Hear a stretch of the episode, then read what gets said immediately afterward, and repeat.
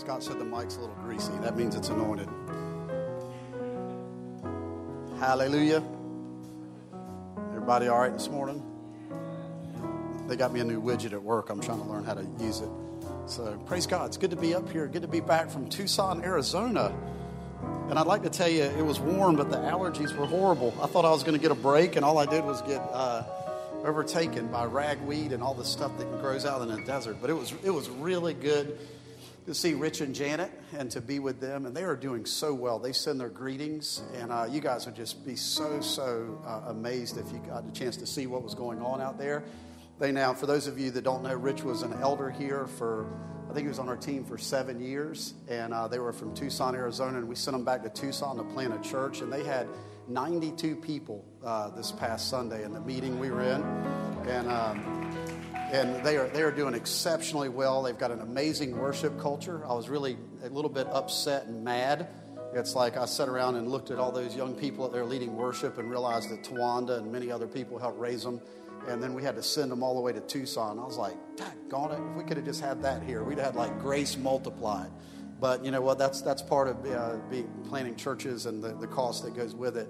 But they are doing exceptionally well. They just moved into their second new building, and they have been working really, really hard. I mean, really hard. How many remember those days of building churches and platforms and all the things that we've done? We haven't done that in a while. I hope we don't get too fat and lazy but uh, they, are, they were doing exceptionally well. Also, had the opportunity to be with JB, and uh, JB and Mama Joy were there, and it was a great uh, opportunity to be with them again and to work apostolically and prophetically with JB was a, a, great treat. He's such an amazing Bible teacher, and then to work with him in the harness and do prophetic work on a, in a different site and location uh, was really, really just such a, a privileged opportunity, and such a wealthy man. So anyway, but it's good to be back in Raleigh. No place like home, right? No place like home. This is a good, good house. Um, what I want to do right now is I'm kind of trying to figure out the flow of this. I'm going to kind of cut my message in half, I believe, and uh, maybe we'll have part three or something at some point and finish up.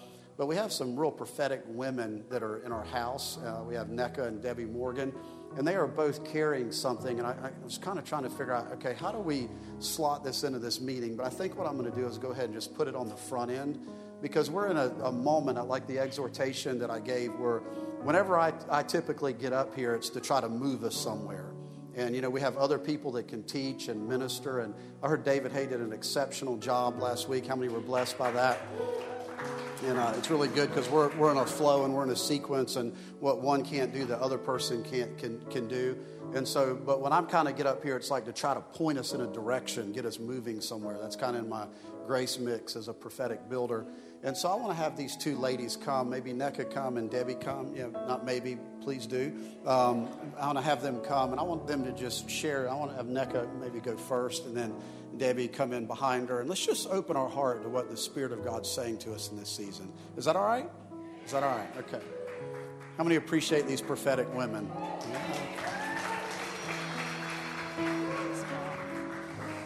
Amen. There was something in what Paul read this morning from Acts 2 that I just really felt the Spirit of God on. So I just wanted to pick up on that.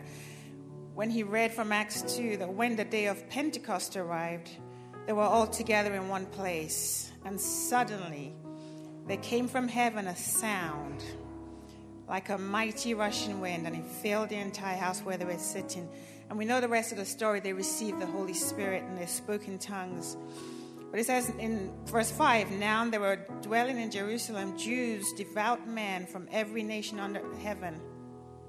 And at this sound, the multitude came together. And they were bewildered because each one could hear them speaking in his own language and they were astonished. And as it carries on telling us the story of what happens, we know Peter preached this powerful message and 3,000 got saved, which tells us that the crowd was more than 3,000 that was gathered from that sound because only 3,000 came into kingdom that day only. That was a lot. But I, the prophetic decree has come that we're in the season of release. And this morning, I just felt the Spirit of God on that. Could it be that our release is contingent upon the sound being released to us first?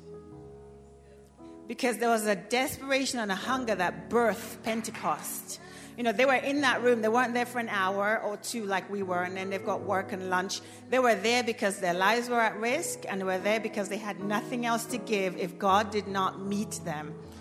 And there's a hunger and a desperation, I believe, that we need to, in our personal lives, in our corporate lives, need to have in this season that says, God, I don't, I mean, the disciples were getting results. They were healing people, casting out devils. They could have just carried on, but it was, it was time for a fresh sound.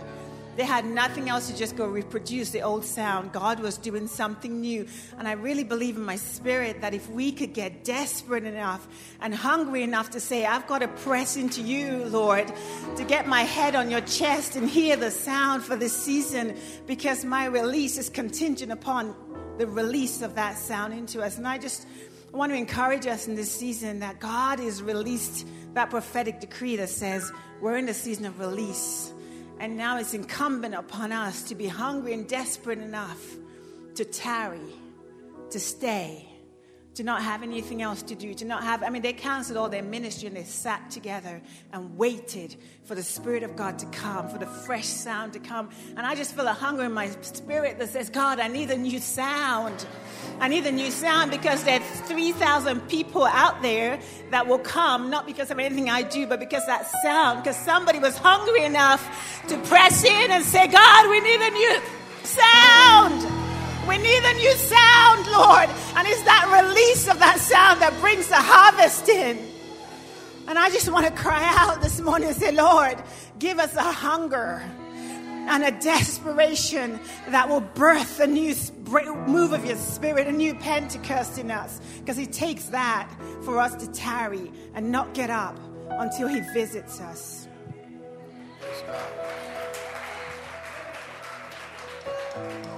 Come on, how many would just say yes and amen to that?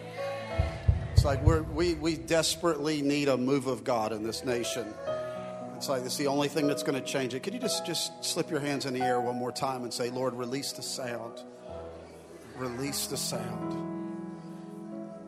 Come on, just, just, just say, Lord, let this be a season of tearing if I've got to wait on it. But I can't move without it. I'll wait on the sound.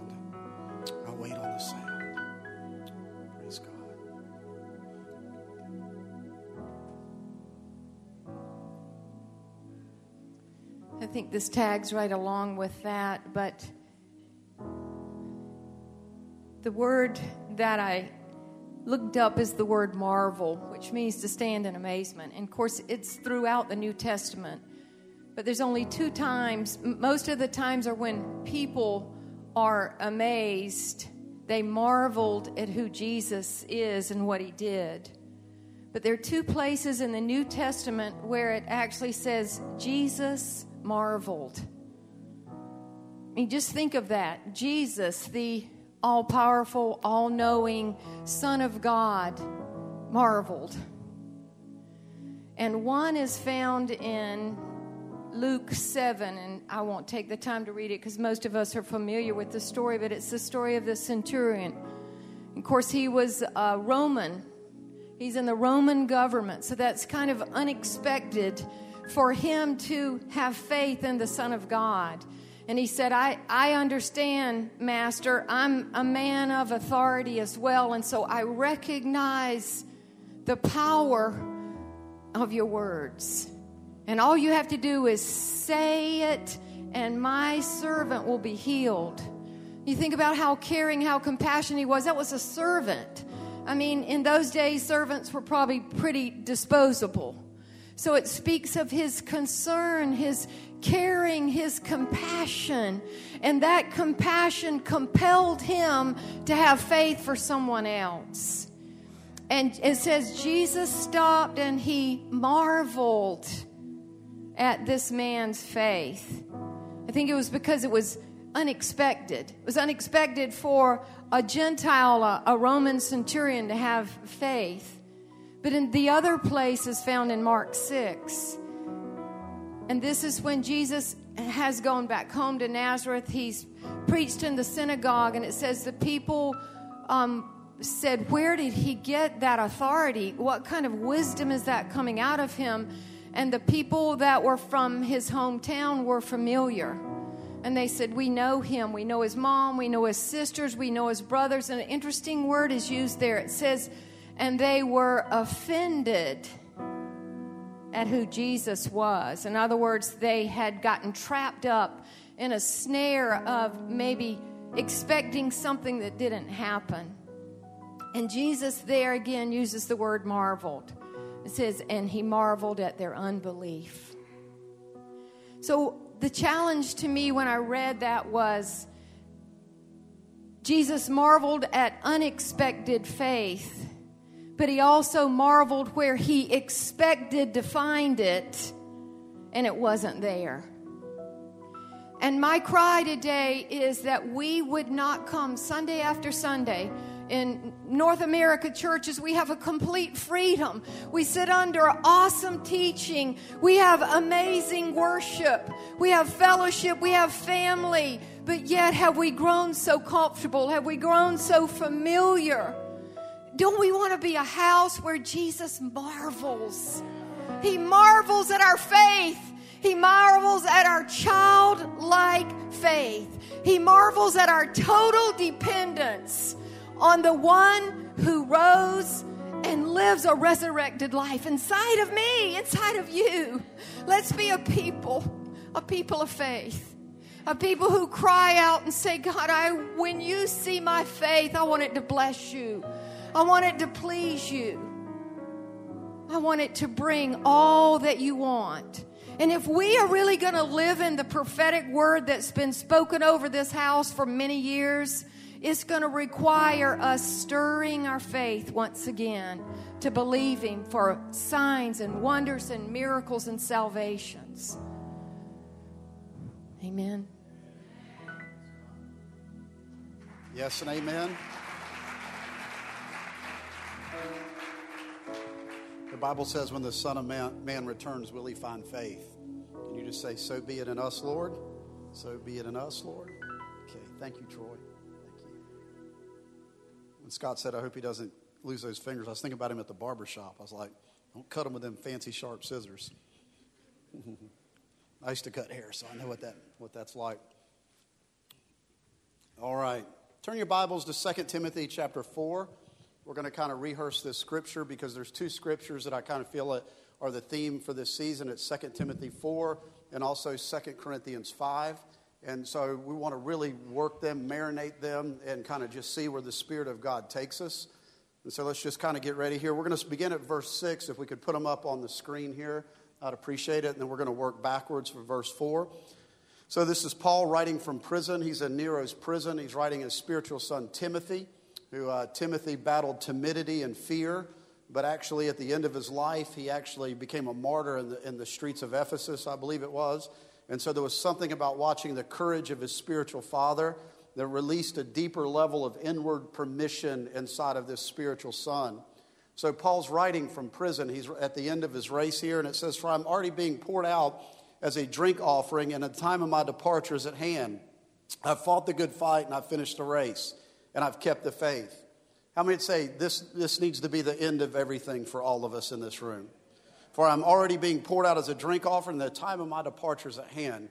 Wouldn't it be wonderful to walk with God in such a way that you knew His sovereignty, that you not only understood the times and seasons that you were walking through, but you also understood when the time of your departure was at hand? The Bible is very clear. It says that David served God in his generation.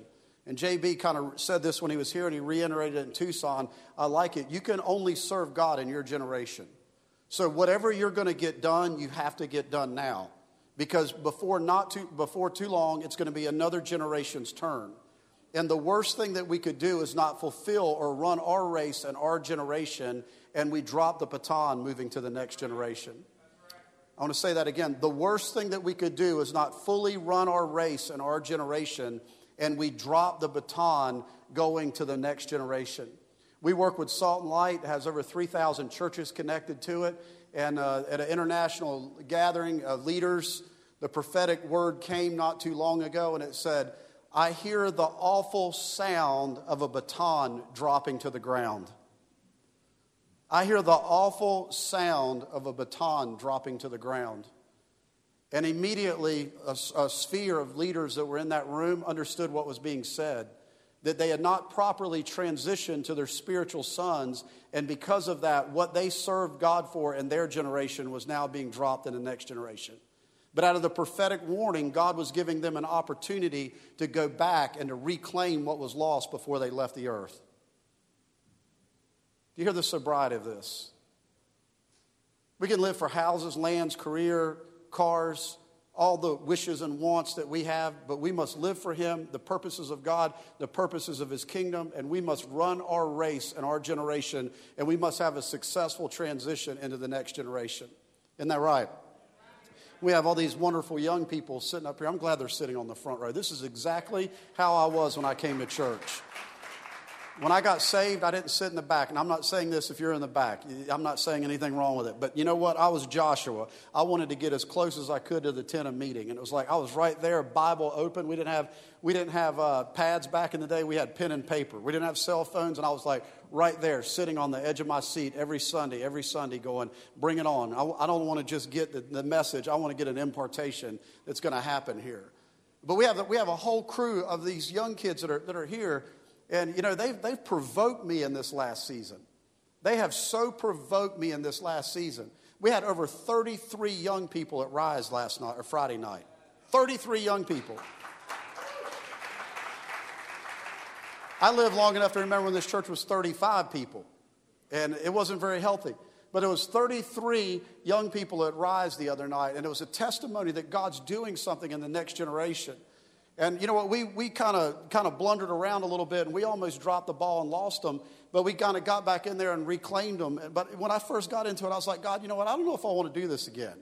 You know, I, I remember doing it with Nelson and Tawanda and Eric and Amanda and CJ and Jess. And, you know, I remember the, the excitement of it. I had strength in my body, I had fire in my eyes, and I had you living in my spirit. And you know what? And I served them and I poured into them. And because of that, we have had a future as a church. And now much of what's living here is because of what was poured into that younger generation. But I looked around when all these guys came along and I was like, you know what? I don't know if I want to do this again. It's like I don't have the strength in my body that I used to have. I don't have the life in me that I used to have. But something got a hold of me that said, you know what? We cannot lose this next generation. And so I had to go meet with Jesus all over again. But when I met with Jesus, you know what? All my little discouragement, all the things that I didn't want to do, all of a sudden it was like, this is exciting. I'm fired up. I'm full of life again. I want to say something. You can sit around and mully grub all day long, but until you get into the purposes of God, you'll never be happy. You'll never be happy because you were called to live for a purpose. So Paul's basically saying, My departure is ahead. I have kept the faith. He has fully run the race sitting in this Roman prison. And he says, Finally, there is laid up for me a crown of righteousness, which the Lord, the righteous judge, will give to me on that day. And to not only me, but all those who have loved his appearing. Listen to this. Paul is saying these crowns and these rewards aren't just laid up for him as this great apostle that had this revelation of Jesus Christ. It's laid up for every person that's in this room that will fully run their race in their generation. Are you hearing me? You're not living for earthly gain, you're living for a heavenly reward. I want to say that again. You're not living for earthly gain, you're living for a heavenly reward. And one day you're going to stand before the judgment seat of Christ, and all of a sudden, everything about this life is going to begin to make sense. Are you listening to me? But you're living for a heavenly reward. Now, go back to verse 4. I charge you, therefore, before God and the Lord Jesus, who will judge the living and the dead at his appearing in his kingdom. Preach the word, be ready in season, out of season, convince, rebuke with all long suffering and teaching, for the time will come when they will not endure sound doctrine. But according to their own desires, because they have itching ears, they will heap up for themselves teachers. And they will turn their ears away from the truth and be turned aside to fables. But you be watchful in all things, endure afflictions, and do the work of an evangelist. Fulfill your ministry fulfill your ministry. So this is the theme that we really want to talk about this year is that we would have a, a place where every member would fulfill their ministry calling. We talked about last a couple of weeks ago. This isn't a ministry culture where I find my identity in my ministry title, but I know who I am as a son of God. And because I know who I am as a son of God, I also understand that I have ministry gifts and ministry callings on my life, and I'm called to serve my family that God's put me in, called the body of Christ, and I'm called to serve the city and the region that's around me. The word ministry simply means serve or to fulfill my service. It's actually even translated into the word deacon. So the deacons that waited tables in Acts chapter 6 were actually fulfilling a role called service. So, what Paul is saying here is he said, he's telling Timothy, he's exhorting and he's encouraging him. He says, I want you to fulfill your ministry. So, everybody in this room say, I have a ministry. Have a ministry. Come on, say it stronger. I have a ministry. Come on, say it a little bit stronger. I have a ministry. Have a ministry. Now, say this real strong. I need to fulfill my ministry.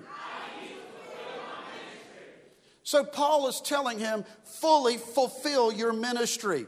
So, in other words, every act of service or the service that you've been entrusted to, you're going to stand before Jesus and you want to stand before him and hear him say, Well done, my good and faithful servant. Well done, my good and faithful servant. So, this year we want to see everybody released. It's like we want to see release, release, release, release, release, release, release, release. We want to see you just moving in the, your act of service, the ministry calling that's living on you. And you, know what? If you get in the way, God's going to come and deal with you. If, if you act stupid, God's going to slap you around. How many know the best whoopings you ever get sometimes come from God? Isn't that right? And if you get excited and think more highly of yourself, he'll remind you, I used a jackass, to, and I'll, I'll use you too. Come on, look at somebody and say, He used a donkey, he'll use you too.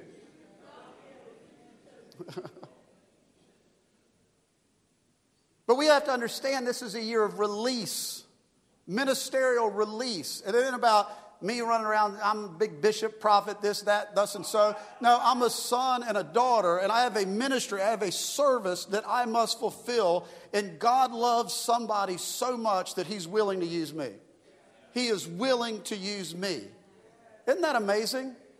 I heard a guy one time I was struggling with all these preachers that are all jacked up, messed up, and money preachers and all this stuff. And I'm like, man, I just don't understand it. How does God work in all these impure motives and all these places and everything? And, and, and this guy looked at me and he said, let me ask you a question. He said, if, your if your son was in a ditch and all God had to reach him was a drunk, would you use the drunk? I said, you got a good point. I said, you got a good point. So, no matter how messed up you are, there's somebody that's more messed up than you are. Are you listening to me? No matter how dysfunctional you may be, there's somebody that's, you know what, going to hell and doesn't, you might be broken and still working through sanctification and being, going through a process of restoration, but you know what, you're born again. You're in the kingdom. You're a son. You're a daughter. You're in a process of transformation. But guess what? There's somebody in your sphere of influence that's dying and going to hell right now, and you may be the only person that God can use to reach them. Hello? So you don't have to have it all together. Just keep getting it together. Come on, look at somebody and say, just keep getting it together.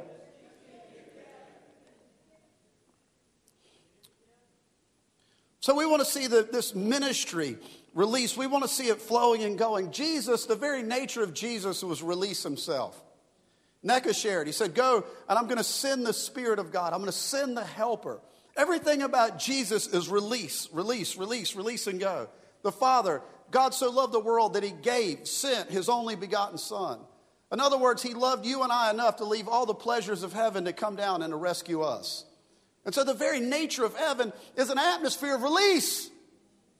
It's not trying to hang on to what we have or what we are. It's, it's we must release. We must see things released. And Jesus' very nature is the nature of release. Come on, say it with me. It's relief said, I'll send the Spirit, I'll send the 12. Raised up Jerusalem, raised up Antioch. Out of the Antioch church came Paul and Barnabas and the work of the ministry that began to move all into the Gentile world. Now, I just want to say something. If we don't move in an attitude of release, guess what happens to us? God will scatter. Me just say a couple of things here. God will scatter. Jerusalem was the epicenter of what God was doing in the earth but they couldn't get beyond their own paradigm and their own the, the, the, jewish culture and god was trying to break into a gentile world and to get into a place that was new territory full of the wiles of the devil pioneering places that god had never been. And because they couldn't move outside of jerusalem god came and scattered them and raised up a place called antioch that received the mission and the mandate that jerusalem should have operated in. Are you listening to me So at the end, God is going to get you released whether you go or whether He scatters. Are you listening? Because He's into this thing spreading and multiplying and going into other areas and other places and to see people saved and delivered and to go right where the wiles of the devil are. Go pluck some people out of the gates of hell.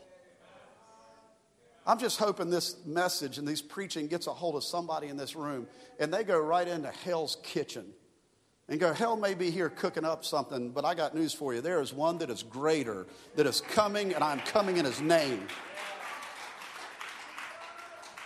Bring me the people that are in hell's kitchen. Bring me the people that are lamed and blind and messed up and smell like the world and smell like hell. Go get them!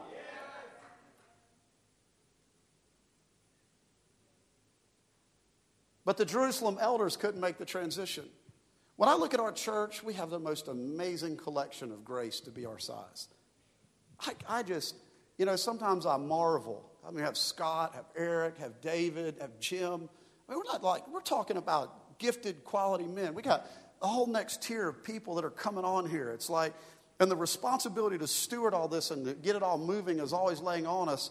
But I'm like, Lord, you must have a great future for us if you've given all this to us. But if we don't figure it out and get it released, you're going to take it apart and you're going to give it to somebody that knows what to do with it. It's just the way it works. We're not here to sit around and have great grace every Sunday morning so that we can have a great box to live in. We're here to see people raised up. We're here to do the work of the apostle, prophet, teacher, and evangelist and equip the saints for the work of the ministry to see you live in your ministry calling, to see you released in your ministry calling, to see you fulfill what God's put in your heart. Hallelujah. So, as we start moving into this, there's an atmosphere that starts coming around it where things start popping. Man, I was so amazed that when we went to Tucson, Arizona, there was 92 people that were in that room that weren't there four years ago. 92 people. There was a woman there. I, am going to tell this story. I'm going to get in so much trouble.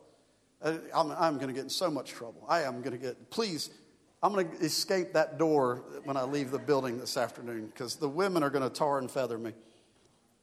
I was in Tucson two years ago and I was sitting at the dinner and this lady came in and uh, we used to meet in Rich and Janet's house in her living room. I'm sitting there in her living room teaching and sharing. I go back and I'm sitting down and this lady had kind of come, came in at the end there. And when she walked in, she kind of came through the, the, uh, somebody brought her up to me where I was sitting there and I was eating. They have really good Mexican food, and they had created, made this really good Mexican meal for me. And I was sitting there, and this, this lady comes up and, and uh, she said, I want to introduce my friend to you. And I said, Don't say anything. I've got a prophetic word for you. I don't want any information. I want to move out of revelation. I said, You've always housed the saints, you've always been hospitable. Your, your house has been an open door, and you've cared for people for many years. You found yourself in a place you never thought you would find yourself. And I said, But the chapter is closing, but there's a new chapter coming. And if you can receive this and hear this, God has a husband for you. And she backed up and said, I don't want to hear any of this. She started backing up, started backing up.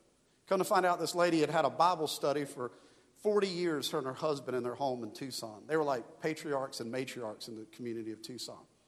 Had 40 pe- or had people that would come to this Bible study on a regular basis. And uh, her husband had just passed away. And she said, I, I didn't want to hear anything. This Sunday, I walked in, and there she was. She came walking up to me, and she had her hand of her new husband, and she goes, I want you to know I didn't receive your prophetic word, but God did it anyway. And here's my husband. I never wanted to get married again. I, I said two things. I looked at him and I said, You should really like prophets. I said, God brought you a, a, a, wife through a prophet. I said, Second thing, don't go tell this to any of the women in the church in Raleigh. They will tar and feather me.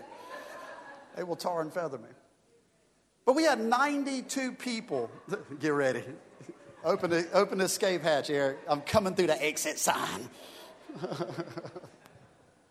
I, I just read them, y'all. I don't give them. I, just, I don't make them up. I just read them. But we had 92 people in this building.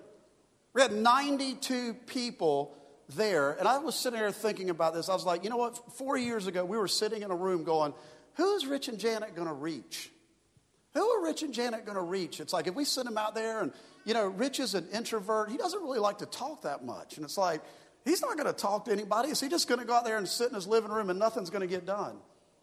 But he kept saying, I feel like God's on this. Y'all can go with me, but I'm not leaving without you. If you don't give me the green light, I'm a man under submission. But if you don't give me the green light, I'm not going. And he goes, I will stay here in Raleigh. And I was just having all this pain in my body and everything. And he looked at me and he said, And I won't go unless you go with me.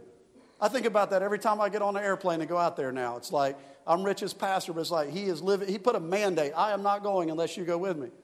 But I looked around that room and there's 92 people in that room right now that have gotten born again, that are getting saved, that are getting restored, that are getting full of the, the presence of God. There is a real life church that's going on there because somebody got a hold of the spirit and the attitude of release and was saying, I am willing to leave, leave the familiar and leave the comfort to go into an unseen territory because I believe I have a genuine, authentic word from God. And if I will step out at the point of my stepping, God will meet me there.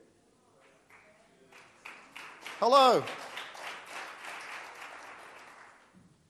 We need this attitude to start moving through us.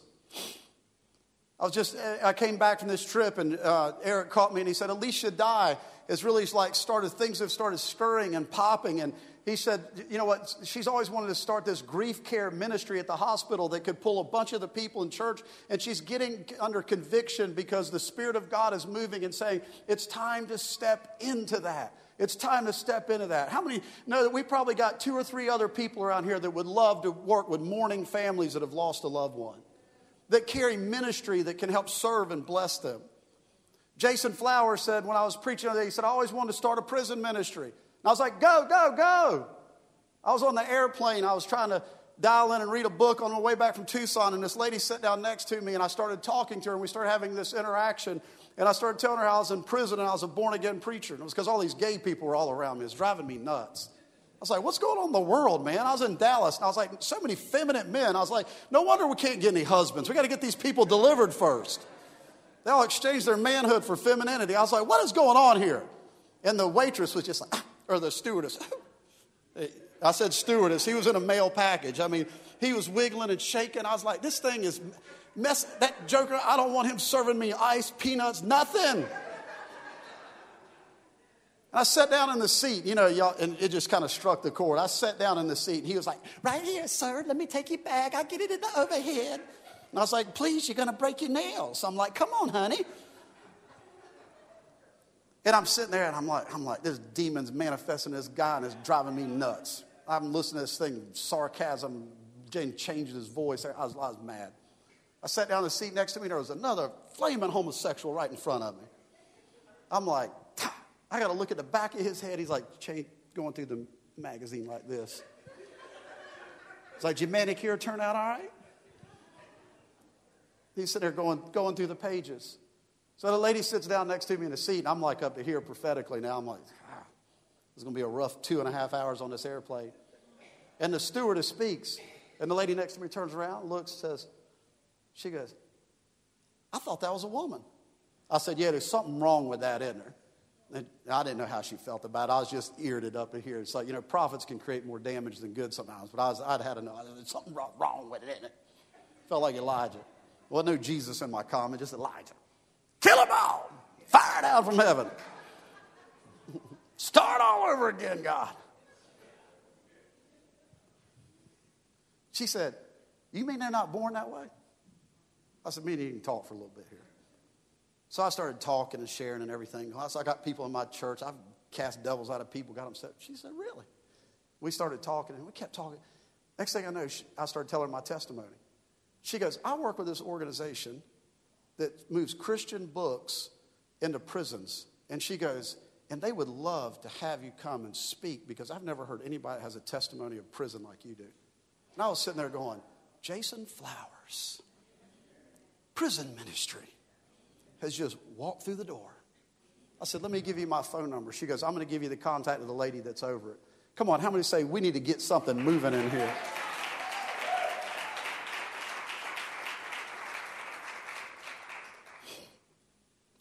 So things are moving and shaking. And I want you to turn your Bibles to 2 Corinthians chapter 5, and I'm going to close here. I'm just kind of going on. And 2 Corinthians chapter 5, verse 12 says, For we do not commend ourselves. Can we put it on the screen? 2 Corinthians chapter 5, verse 12. Poof. 2 Corinthians 5 For we do not commend ourselves again to you, but we give you opportunity to boast on our behalf, that you may have an answer for those who boast in appearance and not in heart. For if we are beside ourselves, it is for God. If we are in our sound mind, it is for you. For the love of Christ compels us. Can everybody say that? The love of Christ compels us. Because we judge that, we judge thus that if one died for all, all died, and he died for all. That those who live should live no longer for themselves, but for him who died for them who rose again. I want to just say something here. The love of God has to compel us in this season. The motivating factor in our life needs to be the love of God is compelling us in this season. And listen to this that those who live should no longer live for themselves, but for him who died for them and rose again. Can I say this? Part of living for Jesus is doing what he asked you to do. Part of living for Jesus is loving who he wants you to love. Part of living for Jesus is taking the ministry gift that he put in your life and serving those that need it.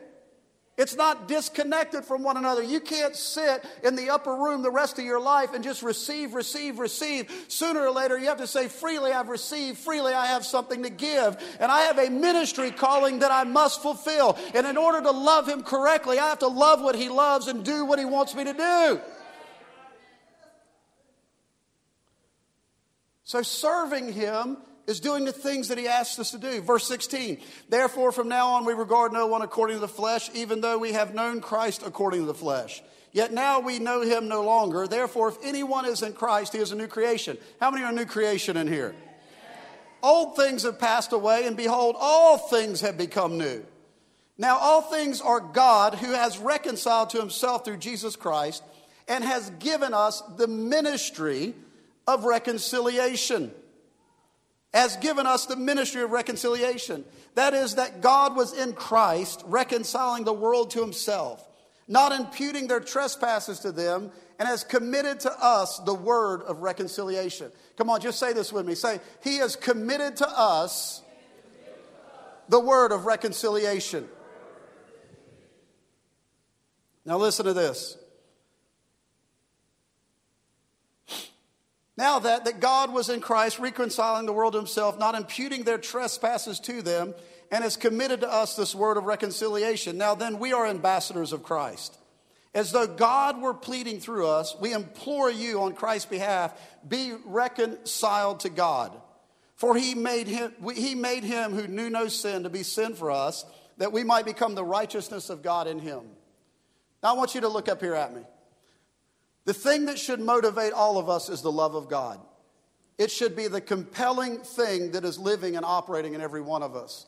The next thing is, is we need to understand that we have been reconciled to God, and now, therefore, we now carry a message of reconciliation. We carry this message of reconciliation. Look at somebody and say, You carry the message of reconciliation. Come on, look at them and say, if you've been reconciled to God, you carry the message of reconciliation. So, all of ministry has this the motive of love and this ministry called reconciliation. Now, it takes on different forms, it takes on different factors. It may start out, you may be like Jim doing the work of an evangelist, and when you get somebody born again and they accept Christ, they just got reconciled to God. Are you listening? It's like every time somebody got saved, just like you were reconciled, they get reconciled. That's the message that you carry as an ambassador. All the people that are around you, all them crazy homosexuals, I was the ambassador that was on that flight that carried the message of reconciliation.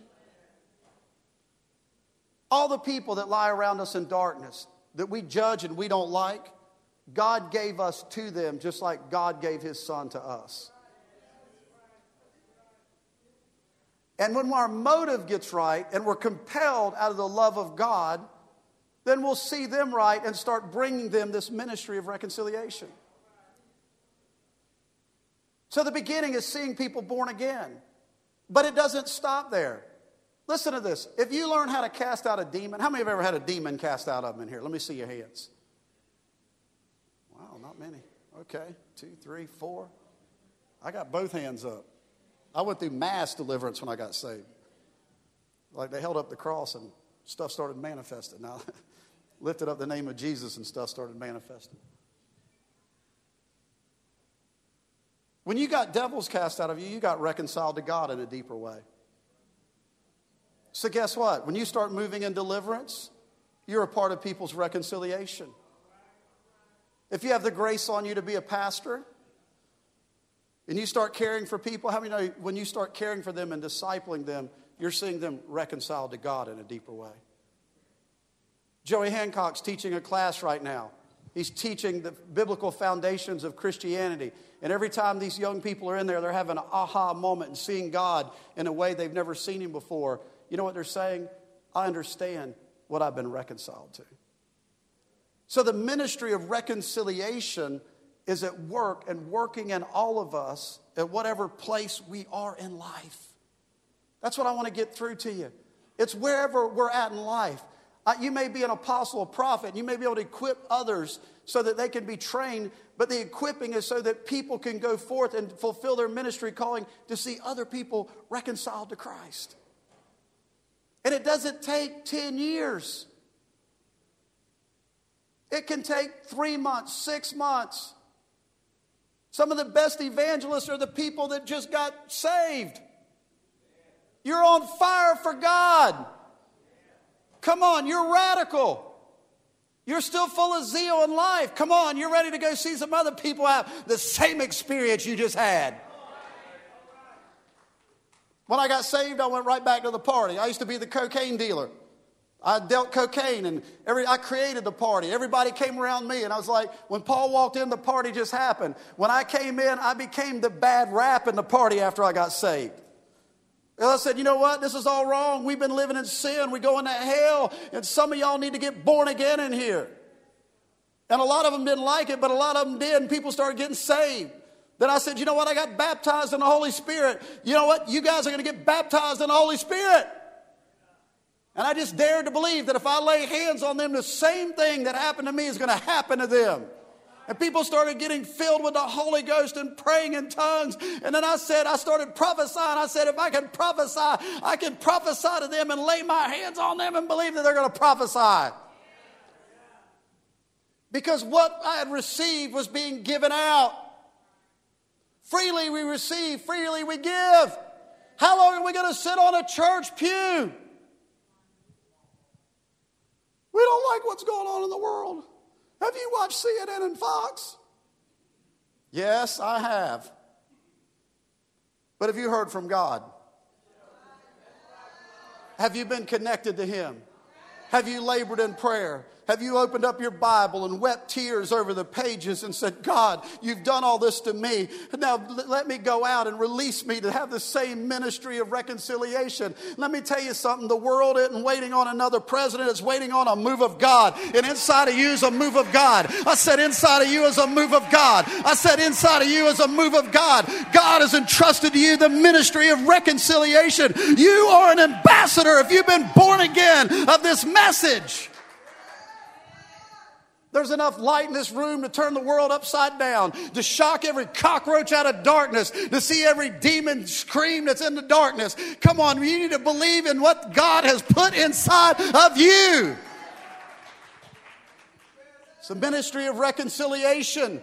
And it needs to plead through you. It needs to cry through you. You need to weep. You need to go and look at people at work and come home and lay on the floor and cry out to God and say, God, connect me with you in such a way that I carry something to them.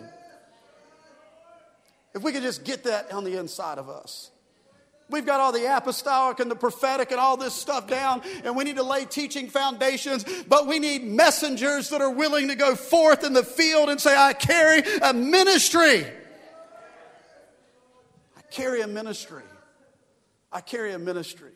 We need to believe God for every empty seat that's here. We need to start buying chairs.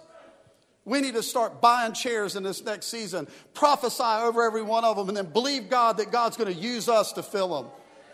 Well, they're going to come in, they're going to be all messed up. So are you.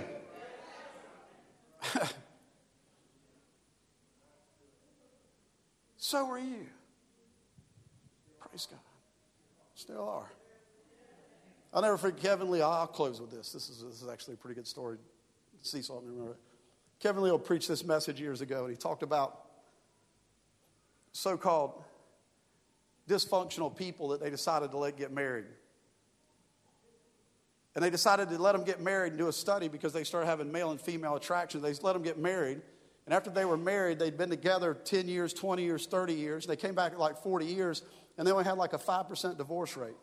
And so they started interviewing all these people, and they said, How is it that, quote, normal people have a 50% divorce rate, and you, quote, unnormal people only have like a 5% divorce rate? And they said there was the common theme. The husband would look at the wife, and the wife would look at the husband and go, I met up, they met up, but together we can make it. Come on. We all broken in this room. We all got dysfunction in our life. We are a work in process, but that doesn't need to become the, the stopping the ministry of reconciliation working through us. God, I pray in this atmosphere God, that you let a divine agitation